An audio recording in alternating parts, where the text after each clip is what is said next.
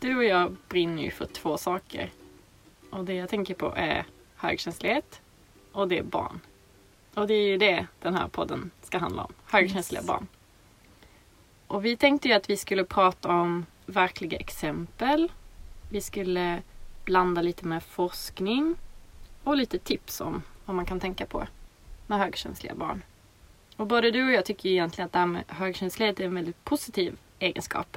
Mm. För det är ju ett personlighetsdrag, högkänslighet, och ingen diagnos. Nej, det är viktigt att betona.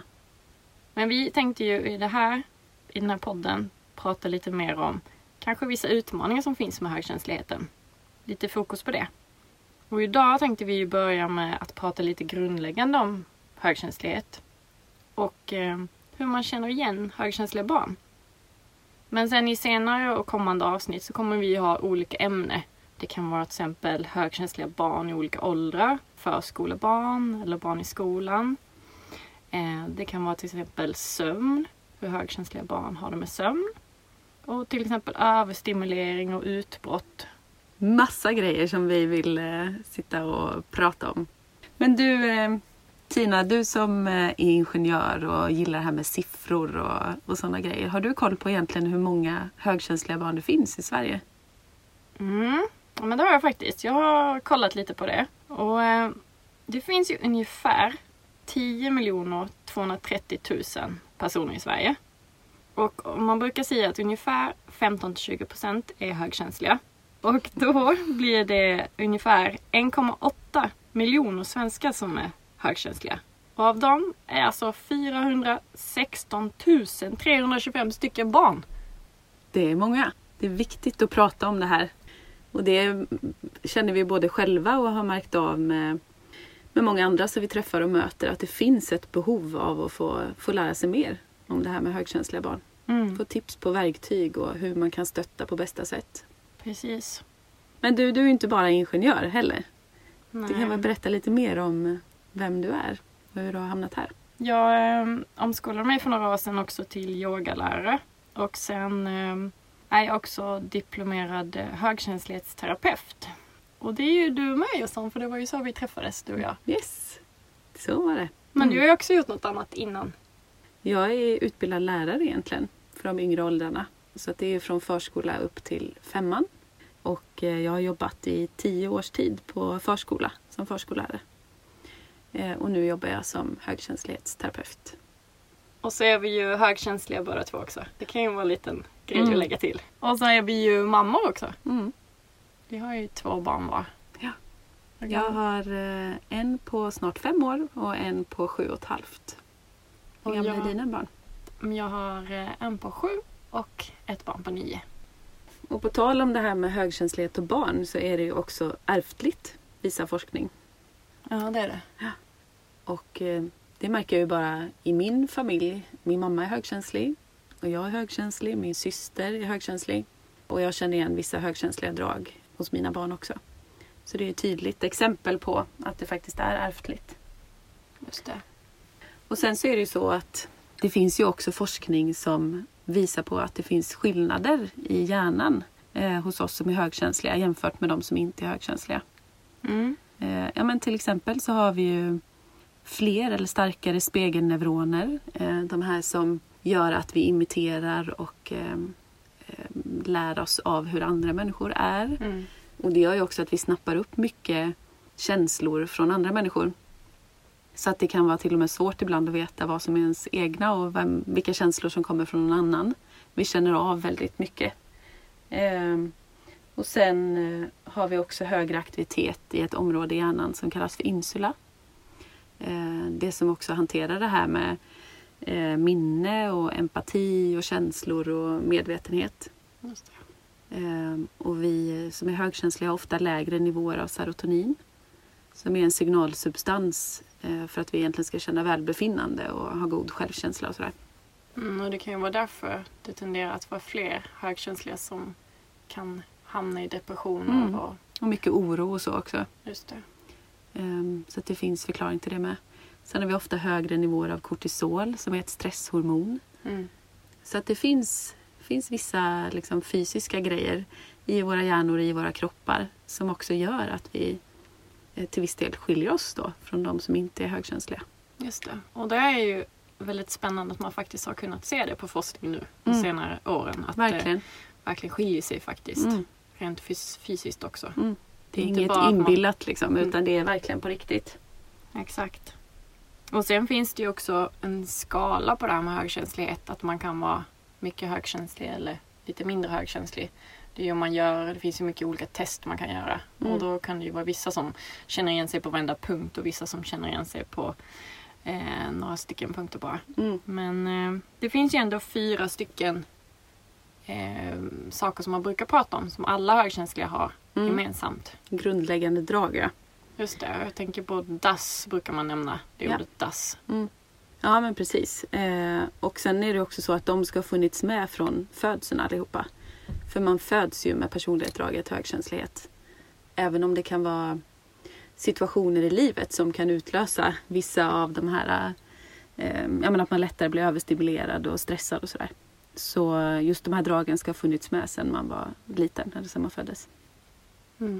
Eh, och DAS då, eh, det där, det handlar om att eh, vi bearbetar saker djupare än de som inte är högkänsliga. Eh, och det är egentligen det mest grundläggande draget och alla de andra tre går in i det här. Och det kan ju innebära då att man kan analysera saker i flera steg. Att Exakt. man ofta ser längre fram. Och det kan ju vara en väldigt stor fördel. Mm. Eh, Men jag tänker ibland att ibland kan det vara en nackdel för oss också i och med att det kan göra att vi kanske då i jobbsammanhang eller någonting sånt kan det vara väldigt fint att vrida och vända på saker. Mm. Men när man tänker på eh, överanalysera saker som man varit med om, till exempel då älta, Mm. då är det lite nackdel med det. Ja men och vi tar ju ofta väl genomtänkta beslut. Men däremot är vi inte så bra på att göra de här snabba besluten eller valen. Utan vi behöver lite tid för att processa det ordentligt. För så fungerar våra hjärnor. Mm. Eh, och vi vill gärna observera och iaktta innan vi går in i någonting nytt. Just Och det. det, det märker man ju också hos högkänsliga barn. Att de, ja, men det kan ta ganska lång tid innan de vänjer sig vid nya situationer och nya människor. Förändringar kan påverka dem jättemycket. Sen också mm, är de ofta ganska kan ställa liksom kluriga frågor och använda svåra ordval och så. Så det märks att de tänker igenom mycket. Eh, sen O där, det står för att de, eh, eller vi kanske jag ska säga, lättare kan bli överstimulerade. Och det är egentligen som en kraftig stressreaktion kan man Just säga. det. Det är engelskans overstimulated. Precis. Och alla kan bli överstimulerade, även de som inte är högkänsliga. Men vi hamnar i det läget snabbare. Ja. Mm. Och nu den senaste tiden har ju också kommit fram till att vi kan bli, även faktiskt bli understimulerade. Exakt. Mm. Och det är ju att, det kan jag känna igen som högkänslig, att man kanske har lätt för att bli uttråkad. Att Mm. man inte kan göra samma monotona grejer om och om igen. Precis. Och det som är att vi har ett väldigt stort behov av att få skapa eller vara kreativa. Alltså våra eh, högre hjärnhalvor är mer aktiva än de vänstra. Så att vi är mer för det här kreativa tänkandet och inte så mycket för det linjära. Mm. Och när vi inte får skapa och vara kreativa tillräckligt mycket och vi blir understimulerade, då skapar hjärnan problem istället. Och katastroftankar och ältande. Och så fastnar vi i det. Så det är viktigt att ha en lagom stimulansnivå. Mm. Och egentligen det här med överstimuleringen handlar ju om att vi tar in så mycket stimulin och också bearbetar dem djupt. Så vi hinner inte alltid med det. Eh, och då blir det den här korvstoppningen och overload för hjärnan, att vi blir överstimulerade. Mm. Och så E där då, det står ju för att vi har hög empatisk förmåga och emotionell mottaglighet. Och det handlar egentligen om att våra känslor talar om väldigt mycket för oss vad som är viktigt att uppmärksamma och lägga på minnet. Och vi har ofta starka och intensiva känslor, vi som är högkänsliga.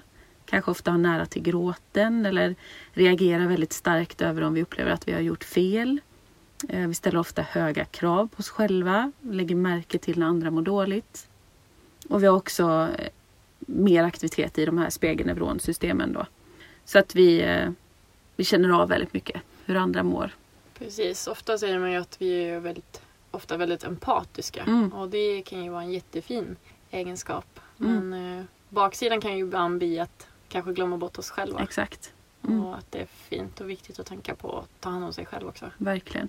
Eh, och S där står ju för känslighet för subtila stimulin. Alltså mycket det här som går andra obemärkt förbi snappar vi upp. Och det kan vara allt ifrån eh, tonlägen, eh, eh, blickar, kroppsspråk. Vi tolkar in väldigt mycket i vad, vad människor säger och kan lätt ta illa vid oss om någon använder ett hårt tonfall till exempel. Men också att vi ser mycket detaljer. Alltså barn kan se om en, en möbel är flyttad i rummet. Eller du vet, även små detaljer också. Det behöver inte ens vara en möbel. Det kan vara någon liten grej liksom.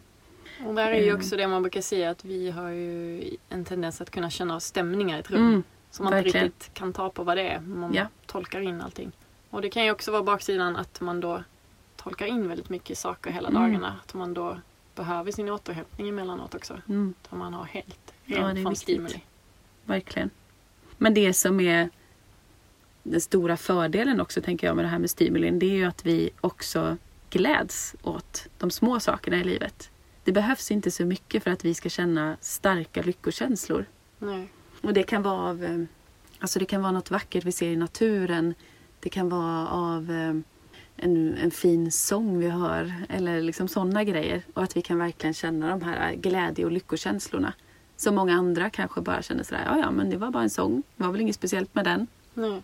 Och vi kan få nästan den här gåshudkänslan. Mm. Och jag tänker också att eh, det är ofta lätt att det blir fokus på de negativa sakerna med högkänslighet. Att man bara ser till problemen. Mm. Men att man många gånger kanske inte ens lägger märke till de positiva sakerna. För man tar för givet att man alla känner väl såna här starka känslor och alla känner väl vad som, hur andra mår och alla känner ju stämningar i rummet. Men det är ju faktiskt så att inte alla gör det. Nej, Så man får ta precis. fördelarna och då också vissa av nackdelarna. Exakt. Men vet du vad jag har funderat mycket på också? Det är lite det här med varför högkänsligheten finns. Och det har ju vi tittat lite också på, att det här med att, eh, att vi faktiskt har haft en uppgift evolutionsmässigt. Att eh, eh det kanske var vi, om vi var ju en flock ute på savannen och det kanske var vi som som, eh, I och med att vi har ett kraftigare alarmsystem, att vi såg och kände in faror på ett annat sätt än vad kanske eh, många av de andra i flocken gjorde. Att vi kanske märkte att det var ett lejon som lurade i busken. Eller om det var, eh, kände på som om det var något oväder på gång. Och det har ju haft en väldigt evolutionsmässig fördel Mm. att det har funnits. Och det verkar ju vara så här att det är ungefär, att det ska vara ungefär 15-20% som är högkänsliga. Mm. Eh, för så har verkar det alltid ha varit. Då är det större chans att arten överlever också. Ja, Om det är både de här individerna som springer rakt ut utan att tänka sig för och som är mer våghalsiga. Men också vi som faktiskt är mer eftertänksamma och läser in hela situationen. ja, jag brukar tänka på det här exemplet med två rå- rådjur som kommer ut och ska beta på en äng. Och det ena rådjuret är inte högkänsligt, springer ut, äter sig mätt. Eh, Det andra är då högkänsligt, kanske tittar sig för. Och den gången får inte äta sig mätt. Men det kommer till en annan gång. Då kanske den som springer ut blir skjuten och så klarar han inte sig. Så Mm. det verkar vara så att vi ska vara Mm. olika. Exakt. Eh, Och apropå djur så har de ju visat också, eller forskning visar ju att högkänslighet finns bland över hundra olika djurarter. Just det. Så att det är ju ingen... Alltså det, det, det finns där av en anledning liksom. Mm. Högkänsligheten finns av en anledning med. För att som sagt vi ska säkra artens överlevnad. Jag tyckte det var väldigt befriande när jag, jag kom på för några år sedan att jag var högkänslig. Jag tyckte det var en väldigt befriande känsla att bara få reda på att aha, att det är därför man har kanske det här alarmsystemet mer igång än andra. Och jag minns så väl att eh, jag hade tänkt väldigt mycket på när jag skulle gå in i en stor föreläsningssal med kanske över hundra platser. Att jag gärna tenderade att vilja sätta mig i kanten. Eh, och att jag tyckte nästan det var lite obehagligt att sitta i mitten. Och jag förstod inte varför. Och nu förstår jag varför. För att det har med någon slags flyktbeteende att göra. Mm. Att man ska ha nära till en utgång. Just det. Skulle det hända någonting eller börja brinna eller någonting så har du nära ut liksom. Ja, på något sätt så. Mm. Jag känner igen det där. Det har ju varit samma för mig också i alla år. Jag vill också alltid gärna ta platserna längst ut liksom. Och det är mycket lättare när man förstår sig på sig själv Mm, på något sätt. När man får det här och att det faktiskt är att våra hjärnor ser annorlunda ut. Det är inte bara något vi hitta på. Nej, verkligen. Och, och det vet ju du och, jag också som träffar och pratar med många andra högkänsliga. Att de allra flesta har ju på ett eller annat sätt känt sig fel många gånger genom livet. Eh, och undrat varför man är annorlunda och varför reagerar inte jag som alla andra och är det bara jag som är rädd för det här? Och att då också få en förklaring. Det är inget fel på mig. Min hjärna fungerar annorlunda. Jag har ett känsligare nervsystem. För det är ju det som är det mest centrala egentligen i hela personlighetsdraget. Precis. Det är att vi har ett känsligare nervsystem. Och Det är inte jag, konstigare än så. Liksom. Nej, och att jag är okej precis som jag är. Verkligen. Det faktiskt har funnits en uppgift för mig. Och att det kanske är det här samhället vi lever just nu som inte riktigt anpassat för oss Nej. högkänsliga. Precis. Och jag tänker ju också på, jag vet att mina föräldrar har sagt det nu sen jag ja, men började läsa till eh, högkänslighetsterapeut och började prata mer om det här. Så säger de det att men gud, tänk om vi hade vetat det när du var liten. Att du var högkänslig. Att det var därför du på vissa sätt liksom reagerade starkare kanske än våra andra barn eller kunde liksom få utbrott när vi inte förstod vad det handlade om och sådär. Mm. Tänk vad vi hade kunnat hjälpa dig och stötta dig på ett annat sätt. Eh, och för min del, alltså jag utvecklade ju tvångsbeteende när jag var i 9-10 års åldern. Mycket tror jag för att jag tyckte det fanns så mycket läskigt ute i världen. Och det var på något sätt mitt sätt att känna att jag hade någon liten kontroll över det. Och det har jag ju nästan i princip släppt nu. Eh, för jag känner att det, det är liksom inte det det handlar om. Nu har jag hittat så många andra bra verktyg för att faktiskt ha tryggheten och tilliten till mig själv. Eh, och det som sagt säger ju också mina föräldrar att men det kanske aldrig ens hade behövt gå så långt om vi hade kunnat stötta dig på ett annat sätt och haft den här vetskapen. Mm. Och det är därför vi känner att det är viktigt att sprida Mm. kunskap om högkänslighet och om högkänsliga barn. Just Verkligen. för att de ska, föräldrar och barn ska få reda på det tidigt att Mm. det finns. Ja, det är ju verkligen ett hjärteämne för både dig och mig. Men du hade ju något bra exempel där med biosalongen tänkte Ja. jag på. Ja, men det är lite så här om man ska kunna förstå lite skillnaden eh, hur ett högkänsligt barn kan uppleva någonting jämfört med hur ett icke högkänsligt barn kan uppleva något. Så är det ett exempel då eh, om man ser livet som en film.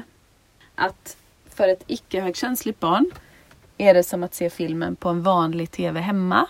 Färgglatt och högljutt, men inte så intensivt, inte mer än så. Och för ett högkänsligt barn är det som att se filmen på bio med de skarpaste färgerna. Med 3D-effekter som gör att det känns som att bilden och grafiken hoppar ut mot den. Och i HD med knivskarpa detaljer. I Dolby surround-ljud som är så högt att man kan känna hur ljudet vibrerar i sin kropp. Så kan man uppleva det ibland att vara högkänslig. Mm. Att det är så mycket intryck som går in i hela ens kropp och hjärna. Att det, det lätt kan upplevas som överstimulerande för man tar in så otroligt mycket. Men man förstår också att det är svårt för andra som inte är högkänsliga att förstå sig på det. Ja, verkligen. Det kan ju vara så att de som lyssnar, att det är några föräldrar som, eh, som inte är högkänsliga men ändå Mm. ett högkänsligt barn. Mm, Och då det. kan det, det kan vara svårt att förstå alltid hur Mm. det är. Mm. Och jag känner ju, apropå med bio så känner jag igen det för att jag tyckte det var jätteobehagligt att gå på bio när jag var liten. Just för att jag tror att jag blev överstimulerad av det. För det var jättehögt ljud. Det var ofta mörkt. Eh, Jag satt kanske inklämd mellan massa andra människor. Hela mitt alarmsystem gick ju igång. Tänk om det är någonting som händer här. Hur ska jag komma ut? Mm. Och som sagt, hjärnan tog redan in så mycket av alla ljud och allting som hände. Så jag kommer ihåg att jag under flera år verkligen tyckte att det var jättejobbigt att gå på bio. Mm. Och kände, gjorde mig fel för det. Mm. Varför tycker ingen av mina kompisar det här? Vad är det? Ska inte jag tycka att det är kul att gå på bio? Det är ju någonting roligt. Varför känner jag så här? Och nu förstår jag mer. Nu vet jag. Mm. Att det var bara att det blev mycket intryck för mig. Och jag kan fortfarande känna det här med bio, just att det är så himla högt ljud. Jag vill typ ha öronproppar på mig. Eller på hur? bio. Ja. Men det kan man ju ha i och för sig. Ja, det kan man ha. Men du, jag tänkte också eh, att vi kan prata lite om just kännetecknen på ett högkänsligt barn. Ja, exakt. Hur vet man om ett barn är högkänsligt? Ja. Det kanske vi också ska tillägga att eftersom det är ett personlighetsdrag och ingen diagnos så är det ju inte så att man kan gå till en läkare och att han fastställer, han eller hon fastställer om man är högkänslig eller inte. Nej. Utan det handlar ju helt enkelt om att eh, ja, men läsa på, se de här kännetecknen. Det finns olika självtester man kan göra för att liksom känna igen sig. Och just när det gäller barn så kan det ju vara svårt att liksom definiera dem som högkänsliga innan de är tillräckligt gamla för att kunna göra det själva. Precis. Och därför man kan ju jag se högkänsliga dragen. Exakt, och det är därför du och jag har ju sett högkänsliga drag hos våra barn. Exakt. Men inte kanske definiera dem Nej. som högkänsliga om Nej, de vill precis. välja själva hur de vill göra sen Mm. i framtiden. Mm. Och som vi sa tidigare så är det ju väldigt många olika drag och vissa barn har vissa drag och vissa barn har andra drag. Mm. Men eh, här kommer i alla fall en lista lite på hur, vilka kännetecken det kan finnas. Det kan vara så här att de kan uppfattas som lite tröga i starten och avvaktande i nya situationer och bekantskaper. De kan vara lättskrämda av plötsliga ljud. De använder ofta vuxna ord för sin ålder. De kan ha svårt att hantera stora förändringar. Eh, de kan föredra lugna lekar. De märker när andra, kompisar eller så, mår dåligt. De kan ofta vara känsliga för smärta och uppmärksamma på kroppsliga obehag. De kan ha lite svårt att somna efter en händelserik dag. Eh, de kan bli lätt överstimulerade av för mycket intryck. De tänker ofta djupare över andras förväntningar eller kritik och feedback. Och de har mycket och starka känslor. Och flera av de här sakerna har vi varit inne på eh, tidigare. Men en sak jag tänker på är just det här med kanske kritik. Att eh, de kan ofta vara ganska högpresterande och ha höga krav Mm. på sig själv. Och tycka att det är väldigt jobbigt om de då blir kritiserade för någonting och tar det Just det. väldigt hårt mot sig själv. Och jag har mött många barn också som eh, när de ska göra någonting första gången så tycker de det är väldigt obehagligt. Till exempel om det är någon som ska spela ett spel så kan de gärna säga men jag är inte med första gången. Och så Just det. sitter de och tittar på. Eh, och så ser de hur de andra spelar och sen när de vet hur det funkar då kan de vara med och spela. Just det. Det är lite det här, det har väl lite med det här stopp och kolla systemet också. Mm. Vill, vill se först vad det handlar om. Alltså att, att man pejlar av. Är det här någonting som jag tror att jag klarar av? Har jag varit med om det här tidigare? Och se, kan jag känna mig trygg med det här? Precis. Men det här första avsnittet var ju bara en liten sammanfattning mycket om vad högkänslighet är Mm. och lite olika saker om högkänsliga barn. Men vi kommer ju komma och dyka djupare på massa olika områden, precis Mm. som vi sa i inledningen. Det här blir lite skrapa på ytan-program. Exakt. Jag tror vi ska avsluta där. Och vill man eh, läsa mer om det här kring eh, kännetecken och också göra ett eh, test på om man tror att ens barn är högkänsligt eller något barn man har i sin närhet så kommer vi lägga upp det. Eh, för det finns nämligen i Elaine Arons bok, hon som har myntat eh, begreppet eh, highly sensitive person som det heter på engelska. Finns i hennes bok Det högkänsliga barnet som vi för övrigt kan rekommendera som är väldigt bra. Eh, och det kommer vi lägga upp på din hemsida ju. Ja, Ska du säga den adressen? absolut. Det kommer vi lägga upp på högkänslighetscoachen.nu. Alltså hogkänslighetscoachen.nu. Och både du och jag finns ju på Instagram också där man kan lära sig mer om högkänslighet. Yes. Och du finns ju på Tankar om högkänslighet. och jag finns på högkänslighetscoachen. Och det är även på Facebook kanske vi ska säga. Ja. Facebook och Instagram. Precis. Och ni får gärna höra av er om ni har frågor eller funderingar eller tankar. Om något specifikt ämne som ni vill att vi ska ta upp. Ja, precis. Men eh, ha det bra så länge allihopa. Ha det bra. Hej Tack hej! för oss. Hej!